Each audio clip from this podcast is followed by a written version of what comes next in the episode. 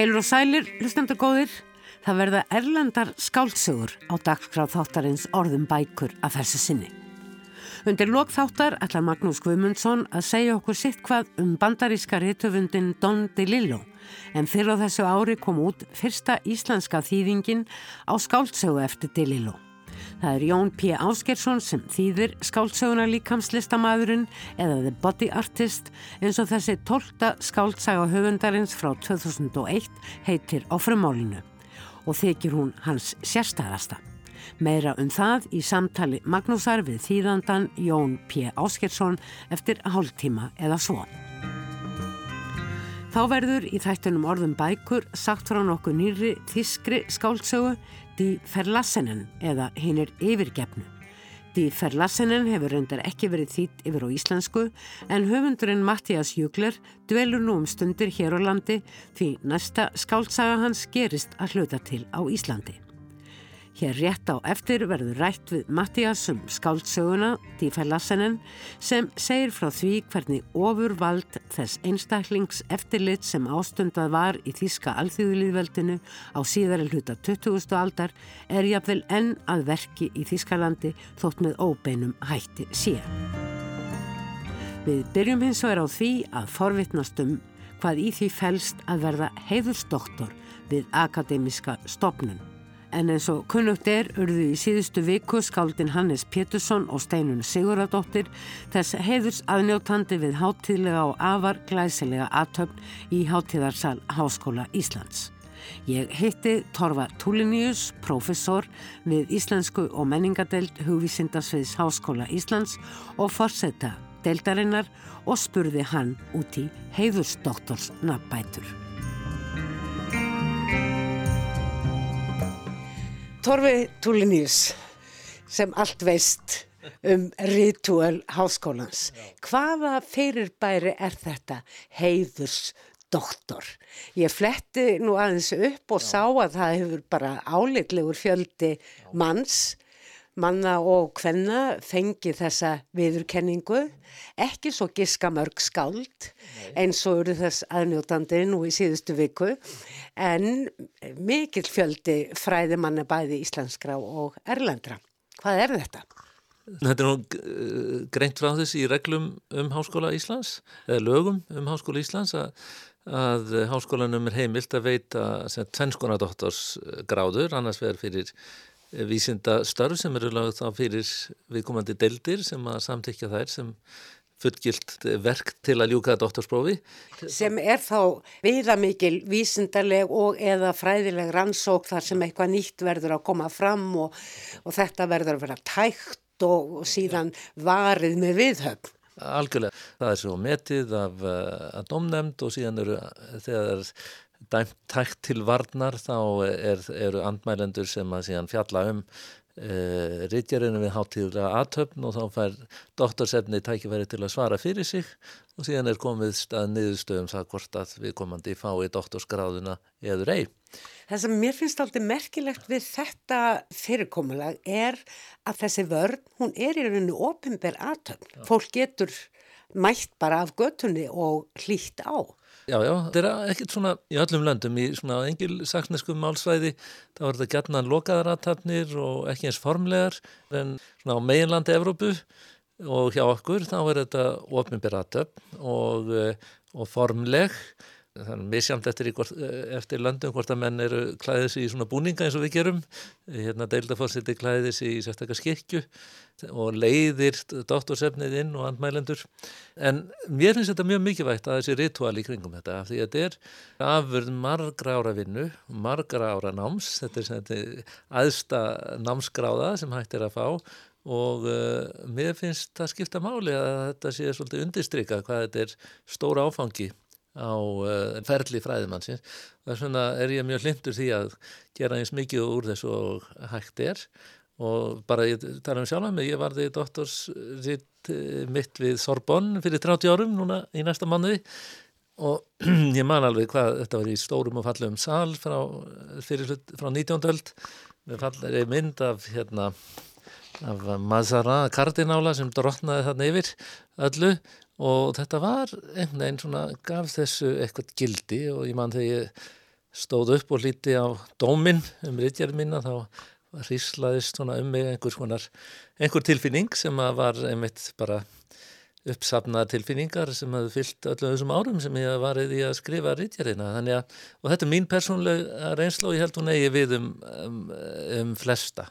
Þetta er mikilvæg stund í lífi fræðimannsins og það ber að gera mikið úr því og svo er þetta líka mikilvægt fyrir viðkomandi stofnun Heiðursdoktorinn það er hins vegar eins og kannski titillin segir það er heiður eh, sem að beinir aðtikli þá kannski frekar að lífstarfi eða tilleggi til uh, já, menningarinnar já.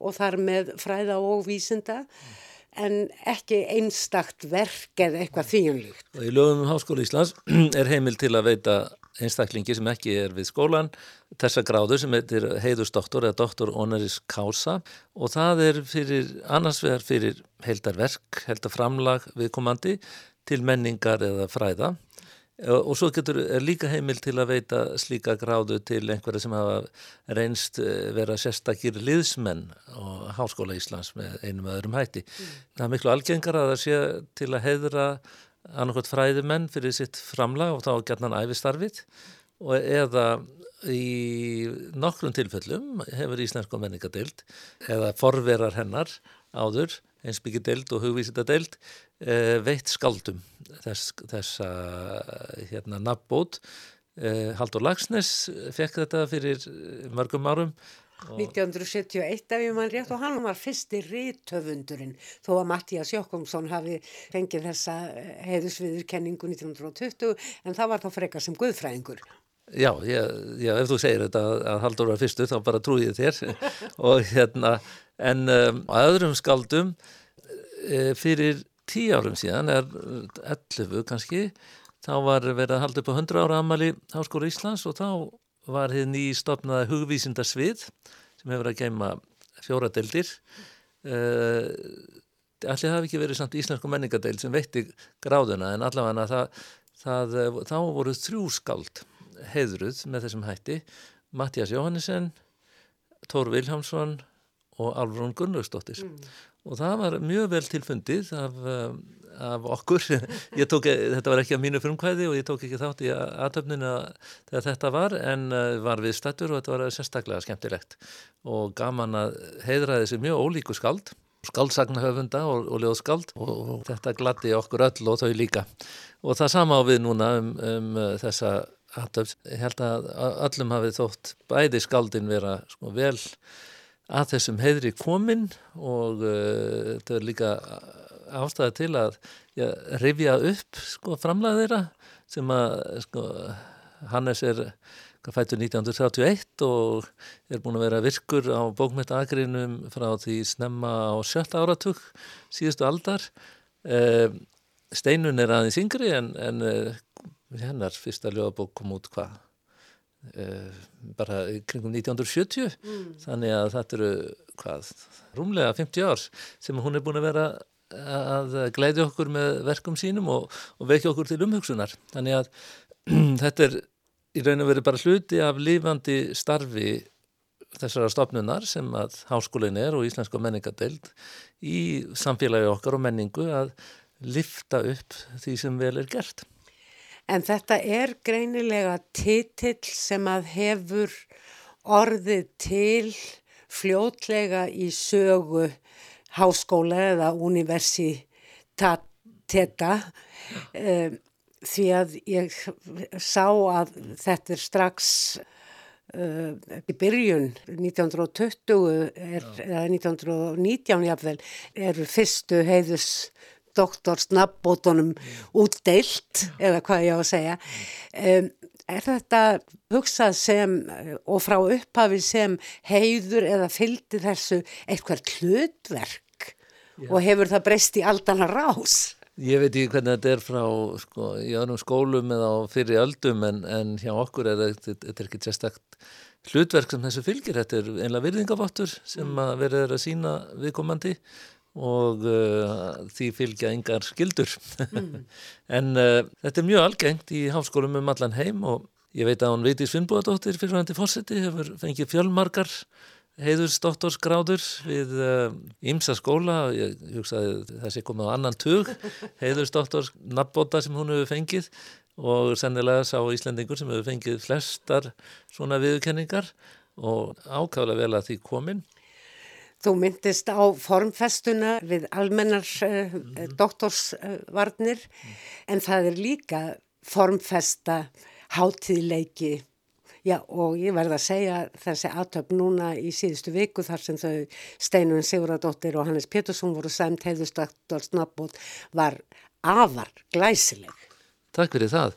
Rektor Skristofan og leggum mikið upp úr því að þessar hattafnir, sérstaklega heiðustaktorshattafnir séu eh, myndalegar og, og fallegar og og maður fær svona ákveðin fyrir mælu um hvernig þetta er að vera og svo útfærir maður þetta á sinn hátt og einmitt, ég og starfsfólk hugvistasviðs og aðrir sem að þessu komu við lögðum svolítið yfir þetta og reyndum að gera þetta eins, eins flott og við gátum en uh, það var allt sem hjálpaði stað þannig að það voru stúdendar sem lásu ákvæðlega vel og ljóðum höfundana uh, þarna var frábært tónlistafólk sem flutti tónlist eftir Þorstein Haugsson og, og Þorkel Sigurbjörnsson. Og eh, já, allt hjálpaðist þetta aðeins og er náttúrulega hátíðarsalurinn mjög hátíðlegur eins og nafni gefur þetta kynna. Emmitt Torfi Túlnius kæra þakkir fyrir að upplýsa okkur um nafnbætur í áskólakerfinu engum og sér í lagi doktora og heiðursdoktora Já, takk fyrir, sumulegis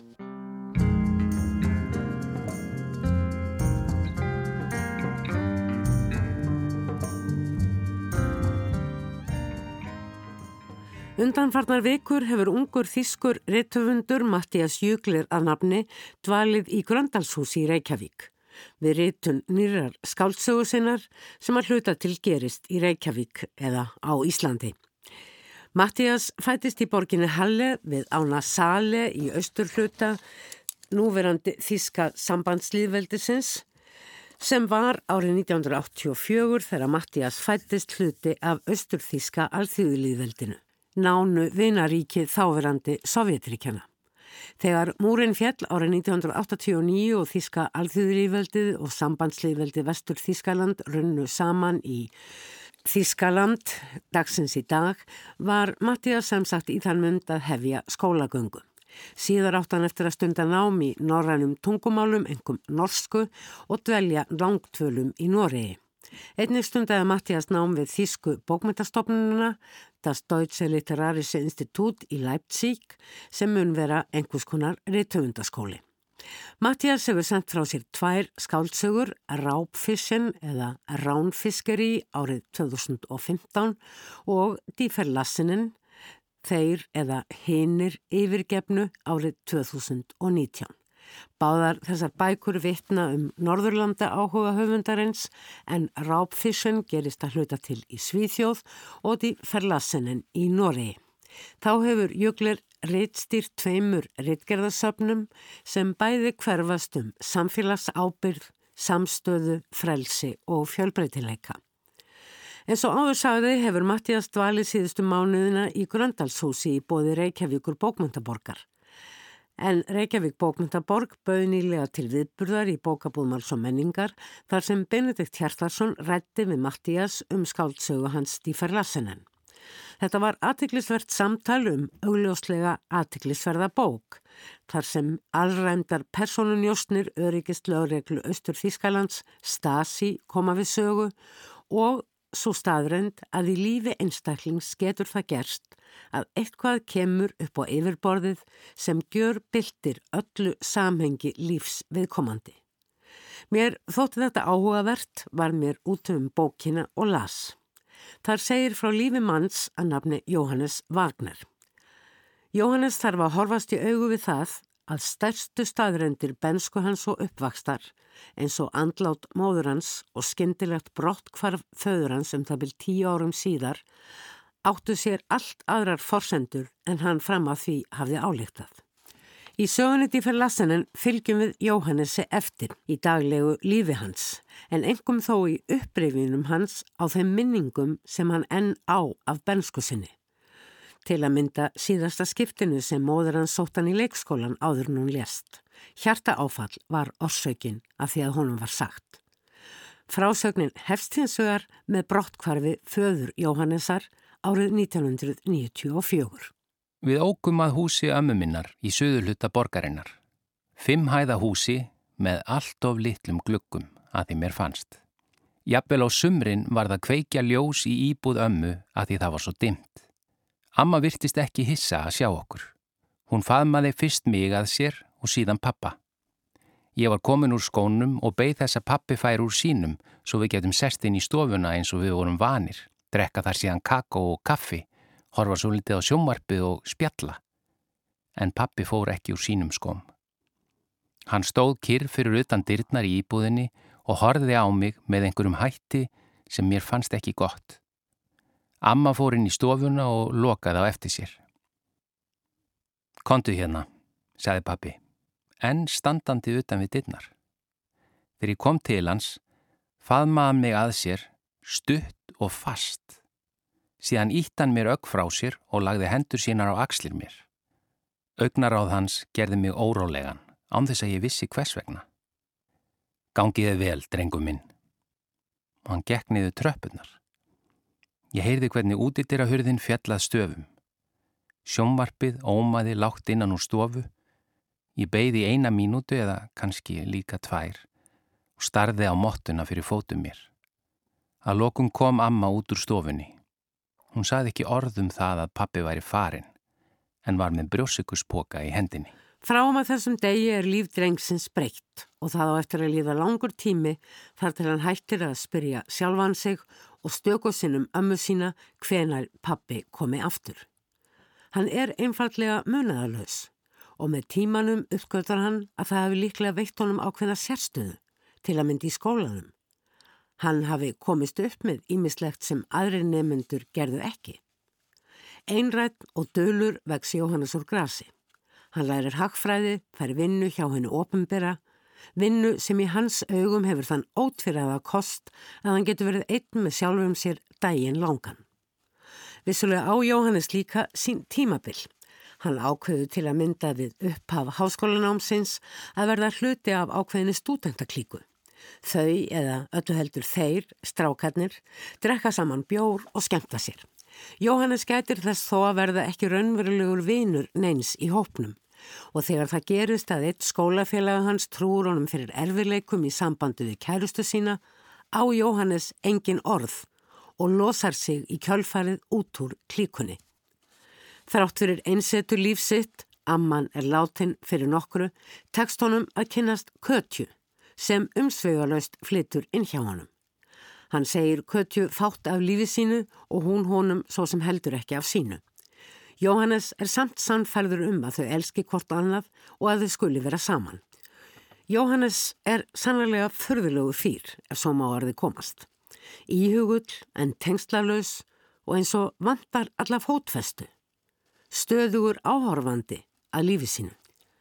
Egið síður er hann persóna sem er spennand að fylgja eftir í gegnum söguna, sem fer fram og aftur í tíma eftir því sem minningar Jóhannesar frá bensku og uppvastar árum leita á hann í hans fullorðinstilveru.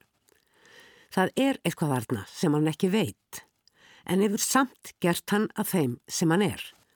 Jóhannes hefur hins vegar ekkert leiðarnóð til að leita þannan óljósa leindardóm uppi og heldur því áfram að tróða marfaða hins kvastastlega lífs.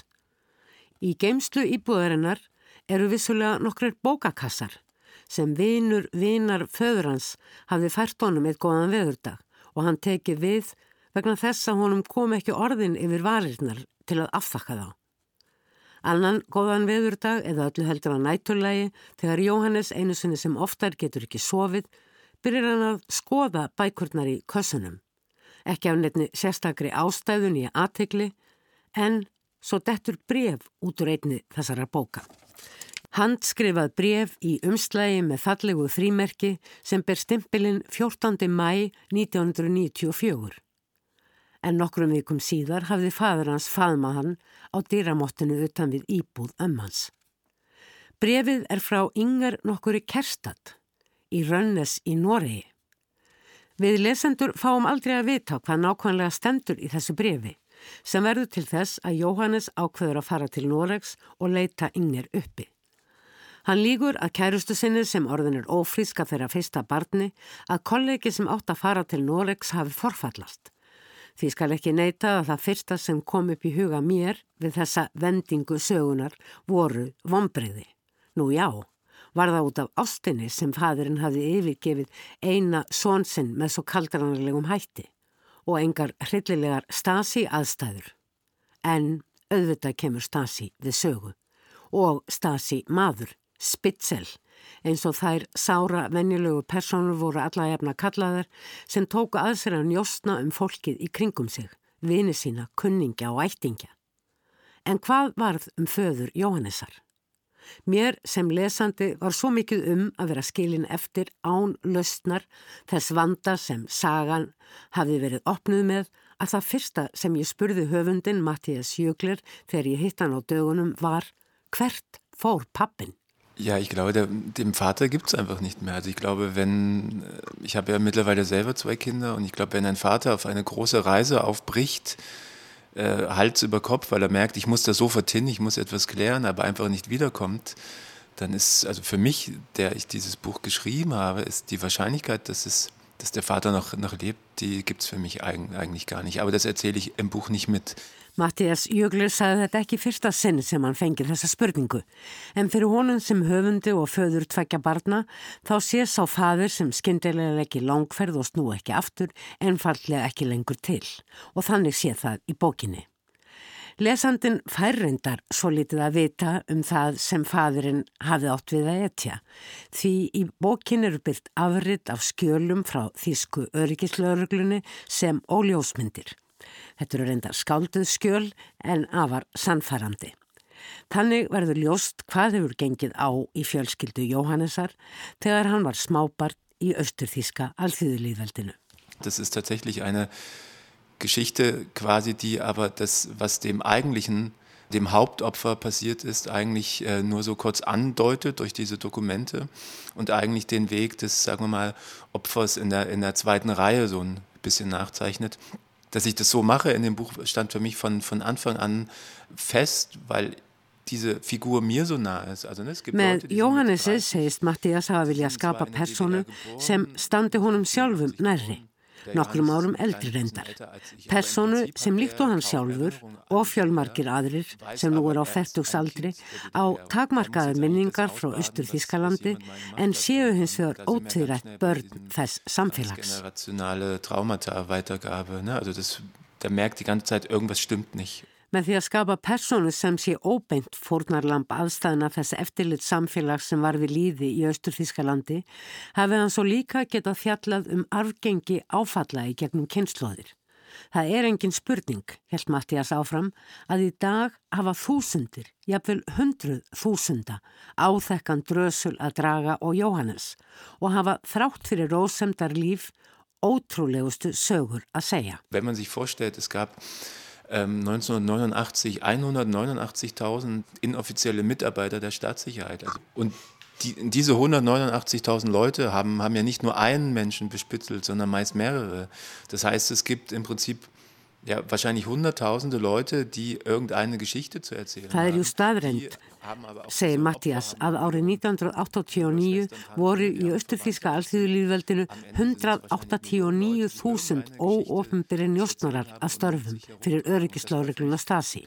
Og þetta fólk njósnaði ekki bara um eina personu heldur margar og allt áttu þetta fólk ættingja og vini sem líka urðu fórnarlömm þótt með óbennum hætti væri. Wahrscheinlichkeit, dass ich eine knallharte rechte Partei wähle, ist, wenn ich Ostdeutsche bin, wahrscheinlich ungefähr zwei, dreimal so hoch, als wenn ich ein, ein Westdeutscher bin. Also auch in, in meinem Alter. Und ich frage mich natürlich, wie, wie kommt sowas? Mér finnst þetta ótrúlega spennandi, segir Mattias. Ég er frá Östuþískalandi og á þeirri staðrind byggir mín sjálfsmynd. Það er mikill munur á íbúum Östurluta Þískalands og Vesturluta. Í Östurlutanum eru tvísvar eða jáfnvel þrifsasunum meiri líkur á því að fólk aðhyllist hægri öfgar í pólitík og ég hlýtt að spyrja mig hvers vegna. Der Roman liefert ja jetzt nicht die Antwort darauf, ne? aber für, für mich war das so der Versuch, sich hineinzudenken in jemanden, der sowas erlebt hat.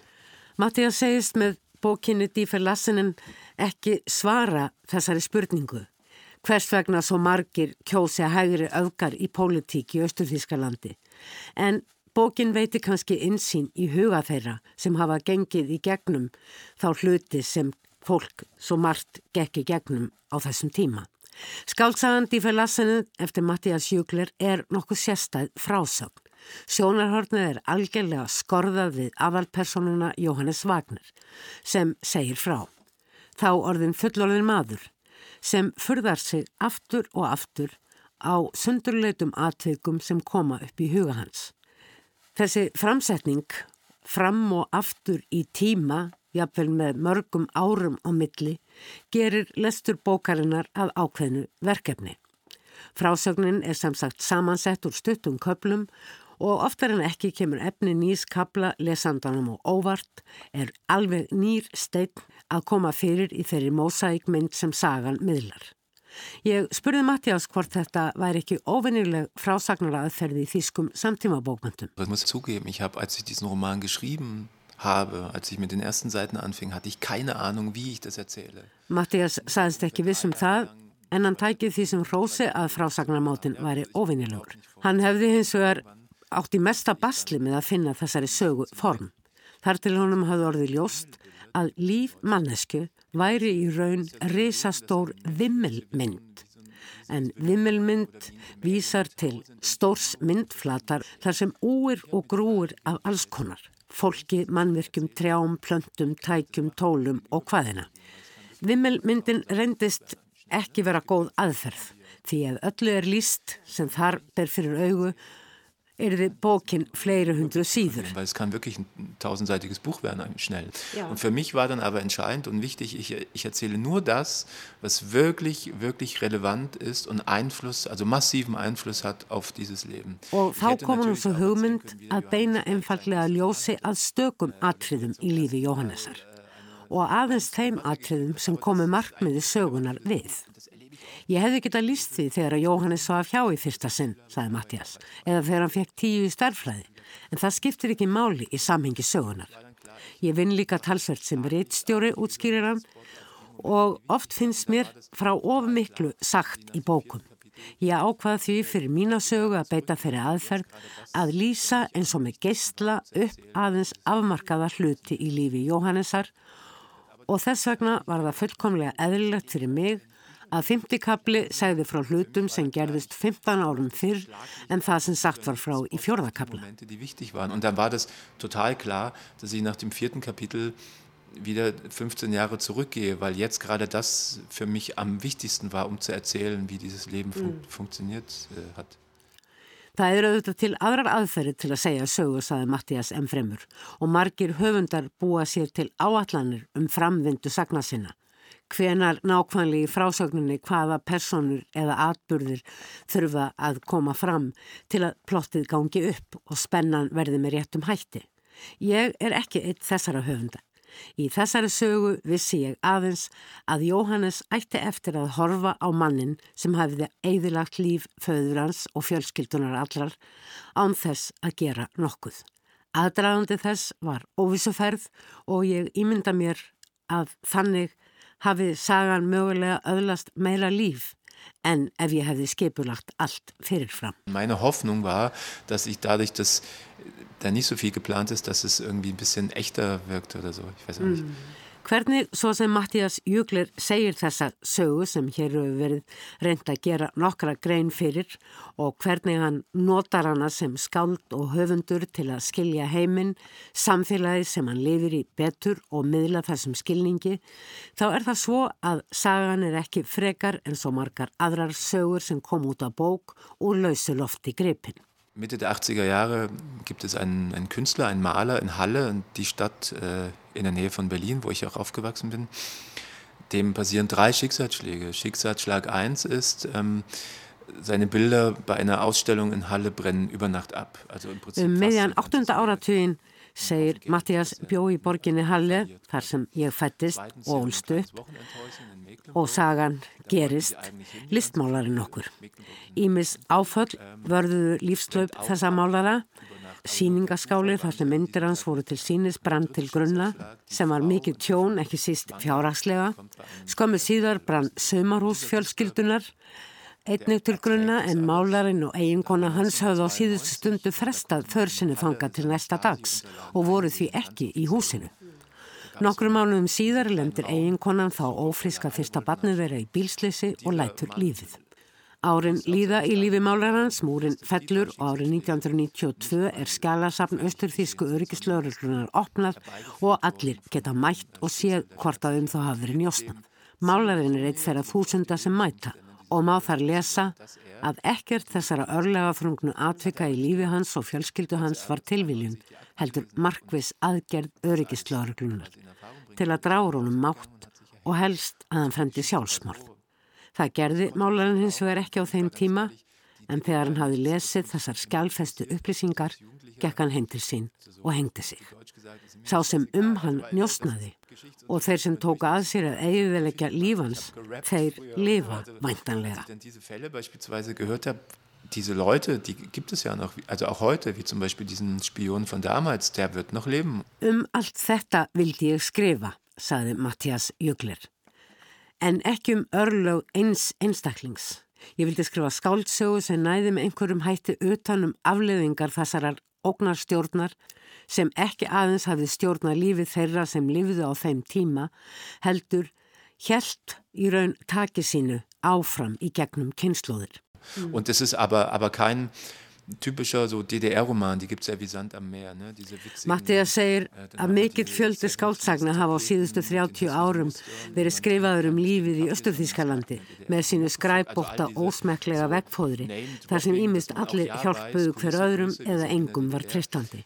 Ich habe nicht in der DDR gelebt, das hätte ich recherchieren können, aber das hat mich nicht so interessiert, sondern es ist eigentlich ein Roman, der die Gegenwart beschreibt mit all den Auswirkungen der DDR dieses Unrechtsregimes. Mattias segist hafa leitast við að hefja sína sögu út úr þessari leikmynd fortíðarinnar.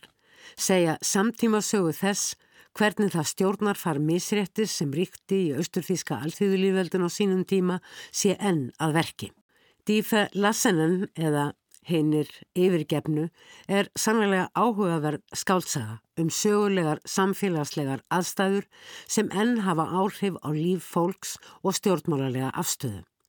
Ég rætti líka við Mattias Jökler um aðstæður ungra höfunda í Þískaland í dag sem og um skáltsöguna sem að nú er með í smíðum og dvelur í Reykjavík við að rita. Þessir hlutar viðtalsins verða hins vegar að býða betri tíma því nú er komið að Magnúsi Gummundsinni sem er búin að lesa skáltsöguna Líkamslistamadurinn eftir bandaríska reytöfundin Don DeLillo og veit líka sitt hvað um þann dularfulla höfund.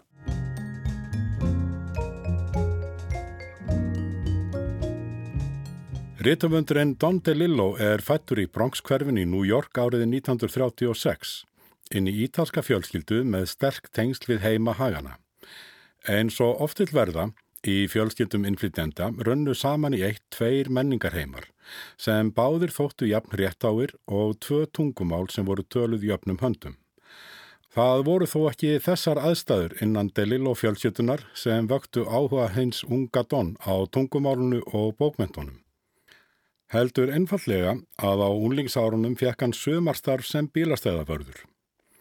Þar sat hann í litlum skúr í sömar hitanum í Bronx og hafði skindilega fengið í fangið klukkustundir á klukkustundir ofan dag eftir dag til þess að lesa. De Lillo hefur greint frá því að í framhaldinu hafa nátt sín bestu ár sem lesandi. Allt fram yfir þrítúksaldurinn þegar hans eigin skrif tóku megnið af hans tíma. Á þessum árum sökt hann sér í verk höfunda á borfið James Joyce, William Faulkner og Flannery O'Connor en enginn hafi þó haft jafn mikil áhrif á fyrstu tilraunir hans til þess að skrifa og Ernst Hemingway.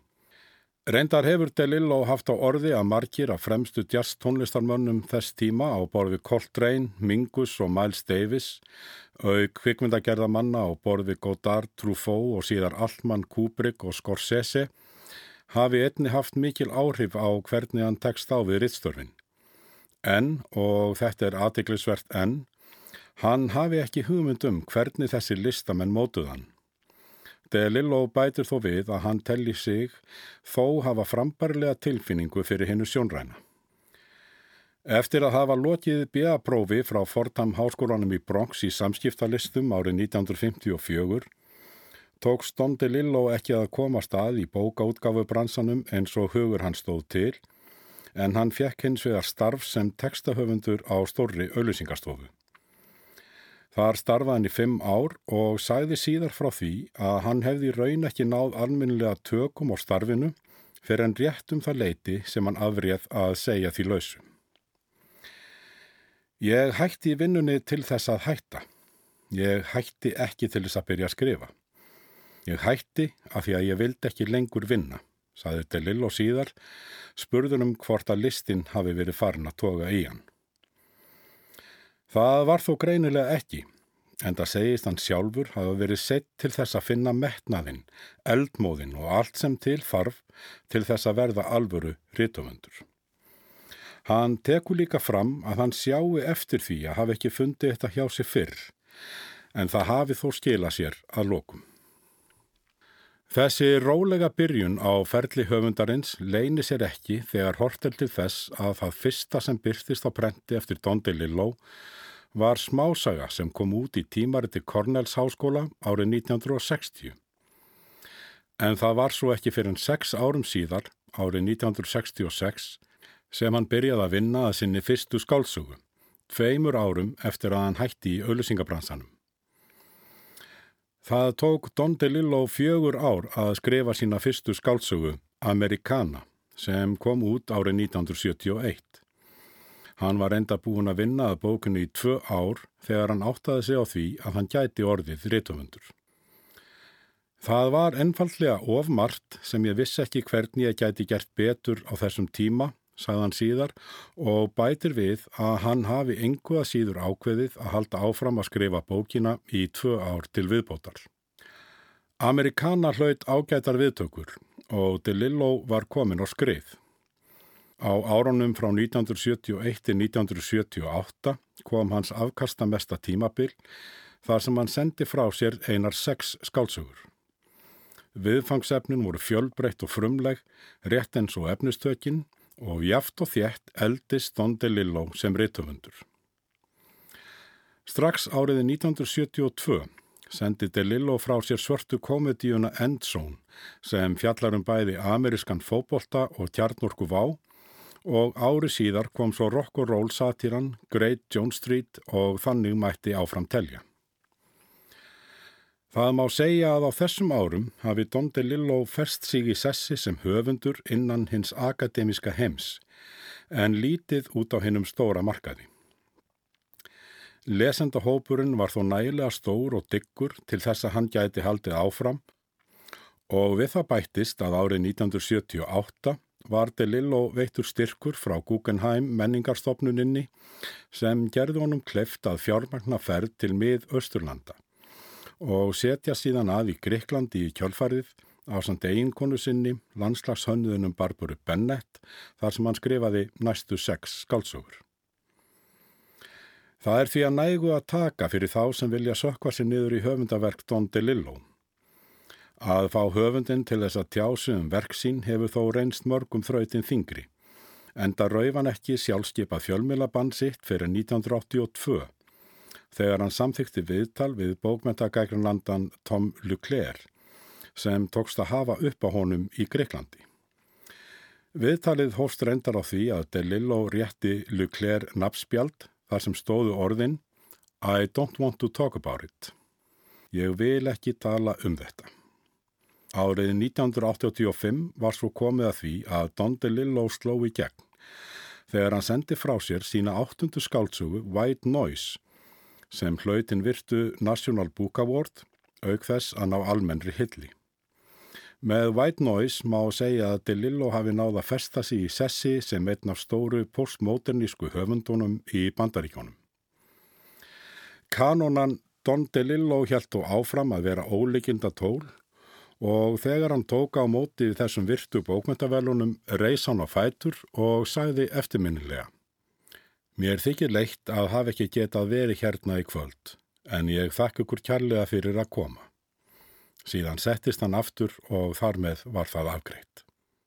Í kjölfarið á White Noise kom svo skálsangan Libra, þar sem fjallað er um hinn viðfræga Lee Harvey Oswald, morðingja John F. Kennedy. Bókin vakti mikið umtal, bæði á meðal gaggrinanda og almennings og jók enn frekar á róður höfundarins.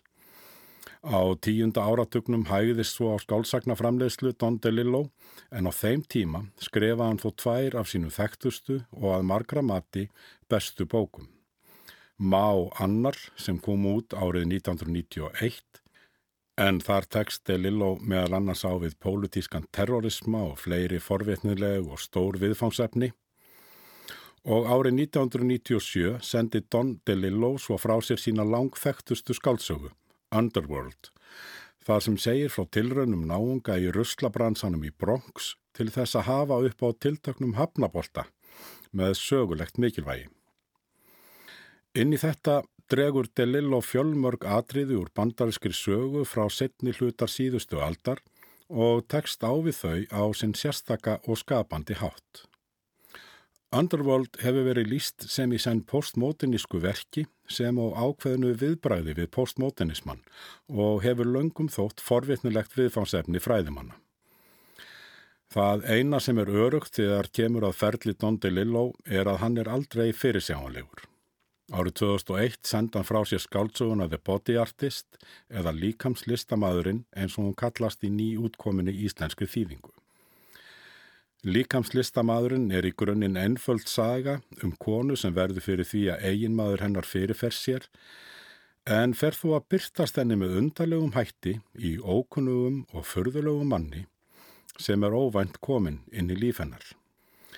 Við byrjum hins vegar á því að spyrja Jón P. Áskjersson hvort að þetta sé ekki það fyrsta sem berst til íslenska lesenda eftir Don Lillo og um mikilvægi hans sem höfundar í bandarískum bókmyndum.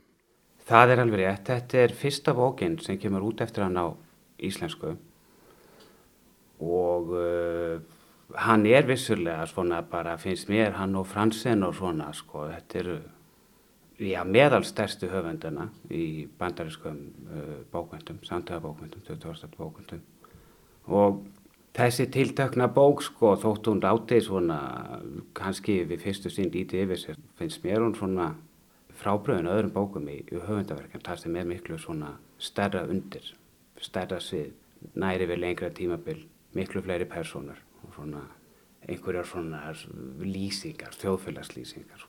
En þannig er að komin miklu meira inn á við sko, inn á prívatsviðið.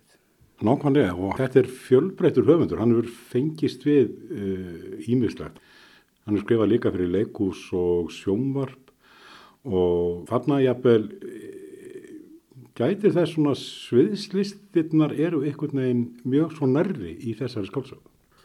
Já, já, það er hafa mjög sterk að náist, er svo maður segja, í þessari sögu. Aðalpersonan Lauren Hodke, hún er náttúrulega sviðslista maðurinn og þaðan er nafnið fengið. Hún heitir The Body Artist á frumálunu mm. og uh, bæði náttúrulega fæst hún við sviðslistir. Það er atvinna hennar reynilega og svo er þarna kapli, svona hálkjörður innskottskapli svona undir lókbókarinnar þar sem að við fáum að fylgjast með henni á sviði. Eh, þar sem hún flytur verk sem að heitir bótiðvark við fáum að fylgjast með verkinu og svo fáum við líka fyrir bókinu þá er sem sagt undirbúningi hennar fyrir þennan performance. Honum er líst og hvað hún, hvaðan hún sækir sér innblástur hvaðan hún fær efni við í verkið úr umhverfunu og því sem hún sér. Þannig að síðslistir eru vissulega dáliti fyrirferðamiklar í þessu verkið. Sko. Og svo hennar er þarna eiginmaðurinnar Rey sem er uh, kveimleikjaramæður eða leggstjóri. Þannig að það er líka svona mjög svo sjónræn nálgun á, á heiminn hjá honum. Uh, en bókin byrjar með þau tvö í róliheitum angri morgunverðar senu en svo uh, verður þetta fljótt ansi hérna, hvað múin að segja, óhugnanlegt jáfnvel, hvernig þetta þróast? Já, já, hún segns að þetta gerist náttúrulega mjög framalega í bókinni að þá fáum við að vita að hérna, Rey Róbls eigin maður líkanslistamannsins, hann hef, hafi framið sjálfsmórd í íbúð fyrstu eiginkonu sinna, þetta er Loren svo þriðja og síðasta og uh, eftir það þá byrjar kannski þessi óhugnaður sko. En hvers eðlis hann er og hvaðan hann kemur, hvort það sé úr raunheimi eða bara einhverjum frá einhverju annars konar veröld, það er nefnilega ekki svo auðvelt að negla það neður sko. Og sem sögumæður ámann svolítið til að blekja mann eilítið í það minnstæði þessari bók og maður hefur á tilfinningunni í upphafi að þetta séu eldri hjón, að þau séu búin að vera saman í hundra ár, hann gefur ykkur svona tilfinningu vana og fæginda og rútínu. En svo er Lorin til að mynda mun yngre en maður á von á og, og friðja eiginkonan og svo framvegis. Það er svona ákveðin leikur þarna en það er hún sem að fer að takast á við eftir leik þess að hann fyrirfer sér í íbúð fyrstu eiginkonunar og hún gerir það ekki síst einmitt með líkamann. Já, já, það er alveg rétt. Hún verður hérna eftir andlátans, þá verður hún einn eftir í þessu stóra húsi og uh, einhverju leiti fjallar þessi saga fyrst og fremst um hvernig fólk tekst á við missi og hún tekst á við missi með ímsumóti. Eina af þeim leiðum sem hún notar er að gera þessar æfingar, undirbúa sig fyrir fyrir leikverkið.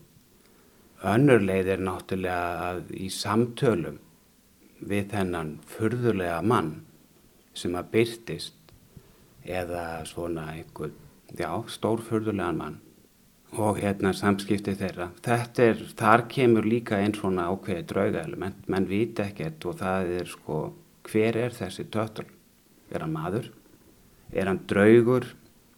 Er hann einhvers konar byrtingarmynd hennar sko, sem verður til eftir sjokkið og eftir fráfall eiginsmann sennar Rey Róbls, eitthvað sem hún svona ímyndar sér til þess að hjálpa sér til að takast á við sorgina. Uh, enda er þessi fíkóra ekkert sko eins og segir á einu stæði bókinu, hann náttúrulega bara, hann brítur lögmál manneskunar, hann brítur lögmál tilvörunar. Hann verið smuna framtíðina og hann getur uh, hermt eftir uh, samtölu þeirra og hann fer með búta fyrir hana. Þannig að hann er sko óháður einhverju línulegur framvendu Nákvæmlega og hann svo segir einmitt svo stemtilega einhver staðar maður er búin til úr tíma og tímin er kannski einhverju leiti líka það er kannski ekki hægt að tala um aðeins í sögupersona í bókin en hann er allavega eitt af svona viðfangsefnum bókarinnar, alveg bara eins og tungamáli er eitt af, af hérna, viðfangsefnum bókarinnar. Já, maður er búin til úr tíma, það er að segja, en tímen í lífi Mr. Tuttle, það sem er bara nafn sem hún gefur honum, við vitum ekki hvað hann heitir. Það er ólíklegt að hann viti sjálfur hvað hann heitir og það verðist engin vera ættingi eða vinir eða neitt slíkt sem að verðist vita hvað hann heitur réttu nafni. En skinjun hans á tíma er án allra aðgreininga. Hann hefur ekki þennan abstrakt, þess að abstrakt getu, þennan svona abstrakt hæfileika að hæja á tímanum eða rifi eitthvað upp eða horfa fram á vegin og ímynda sér eitthvað.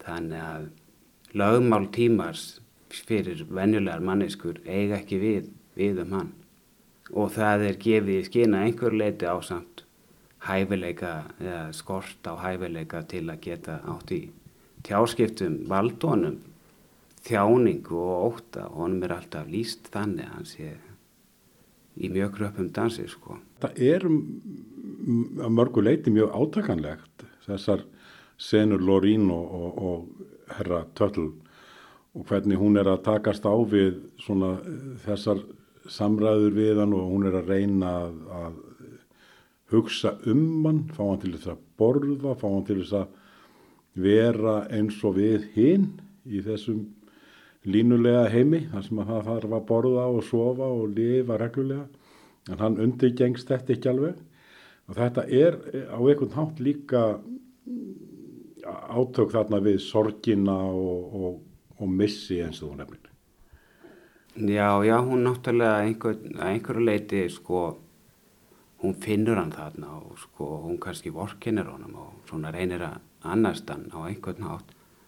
En hún er líka ákveðinu leiti sko eigingjörn og að einhverju leiti reynir hún að nótfæra sér hann. Bæði með því að fá hann til að herma eftir þeir, segja hlutina sem að reysaði. Einhvern veginn endur lifa rey í gegnum hann, fá hann einhvern veginn tilbaka í sitt líf með því að nota töttul og svo verður þetta náttúrulega bara kemferðslegt á köplum, það eru hérna nokkur, nokkra senur það sem að þau eiga í einhvers, einhvers konar kemferðsluðum samskiptum. Þetta er mögnu bók, en hvað fekk þið til þess að, að, að hérna, grípa þetta við hönd og, og fara fýða? Já, sko, þegar ég las hana fyrst, þá, þá heitlegast ég þessari bók og svo hugsaði með mér það, hérna, og datt á eiginlega bara strax í þau, það væri kannski gaman að þýða þessa bók einhvern veginn. Og svo liðu árin og svo, hvað, tæpum 20 árum setna, þá eru bara aðstæður þannig að það bara er ágætt að, hérna, að þetta rífjast upp fyrir mér og, og ég ákvað bara að dempa mér í þetta og það var kannski líka einhver leiti bara til þess að takast á íslenskuna, takast á í rítmálið. Og það var líka til þess að með þýðingunni að bara fyrir mig sko sem lesanda alveg eins mikið og þýðanda að, hérna, að reyna að átta mig betur á þessari bók það tók Dondi Lillo og heyrði einhvern manni viðtalið en hann vildi ekki tala um þessa bók ég átti það nýja ár og ástæðan var einfallega svo og hann visti ekki hvað hann átti að segja um hann sko. Og það er vissulega rétt hjá höfundunum að það getur einn snúið að átta sig á þessari bók sem er einföld á yfirborðinu en markbrotin þegar betur er aðgáð. Það er því ekki úr vegið að ljúka þessu á því að leifa hlustendum að heyra smá brot úr uppafi bókarinnar Líkamslistamæðurinn eftir Don DeLillo í þýðingu Jóns P. Ástjærssonar. Tímin verðist líða. Veröldin á sér stað, veldur inn í augnablikin og maður staðnæmis til að virða fyrir sér konguló límda við eigin vef. Í kvikum ljósbjarmanum finnst manni útlínur hlutana skýrar og merkir ljósrákir á flóanum. Maður veit betur hver maður er á björtum og sólríkum degi eftir óveður þegar hinn smágerðu föllnu löfblöð eru þrungin sjálfmeðvitund. Vindurinn kvín í förunum og veröldin fæðist á óafturkræfan hátt og kongulóin spinnur sinn blaktandi vef. Það gerðist síðasta morgunin sem þau voru hér á sama tíma í eldhúsinu, ráfandi hvort fram hjá öðru til að ná í áhöldur, skápum og skúfum, býðandi hvort eftir öðru við vaskin eða ískápin, en þá í bránuðum drauma podli og hún skólaði bláberinn í lófanum undir kranavatninu og lokaði augunum til að anda að sér ilminum. Hann satt með dagbladið og hærði í kaffinu. Þetta var kaffið hans og botlin hans. Þau deildu blaðinu en í raun var þegjandi samkommulagum að hún ætti það. Mér langar að segja eitthvað, en hvað? Hún skrúfaði frá krananum og virtist taka eftir einhverju. Þetta var í fyrsta skipti sem hún hafi tekið eftir þessu. Um húsið, það var það, sagðan eitthvað sem ég ætlaði að segja þér. Hún tók eftir því hvernig kranavatnið varð ógagnsætt á örfáum sekundum.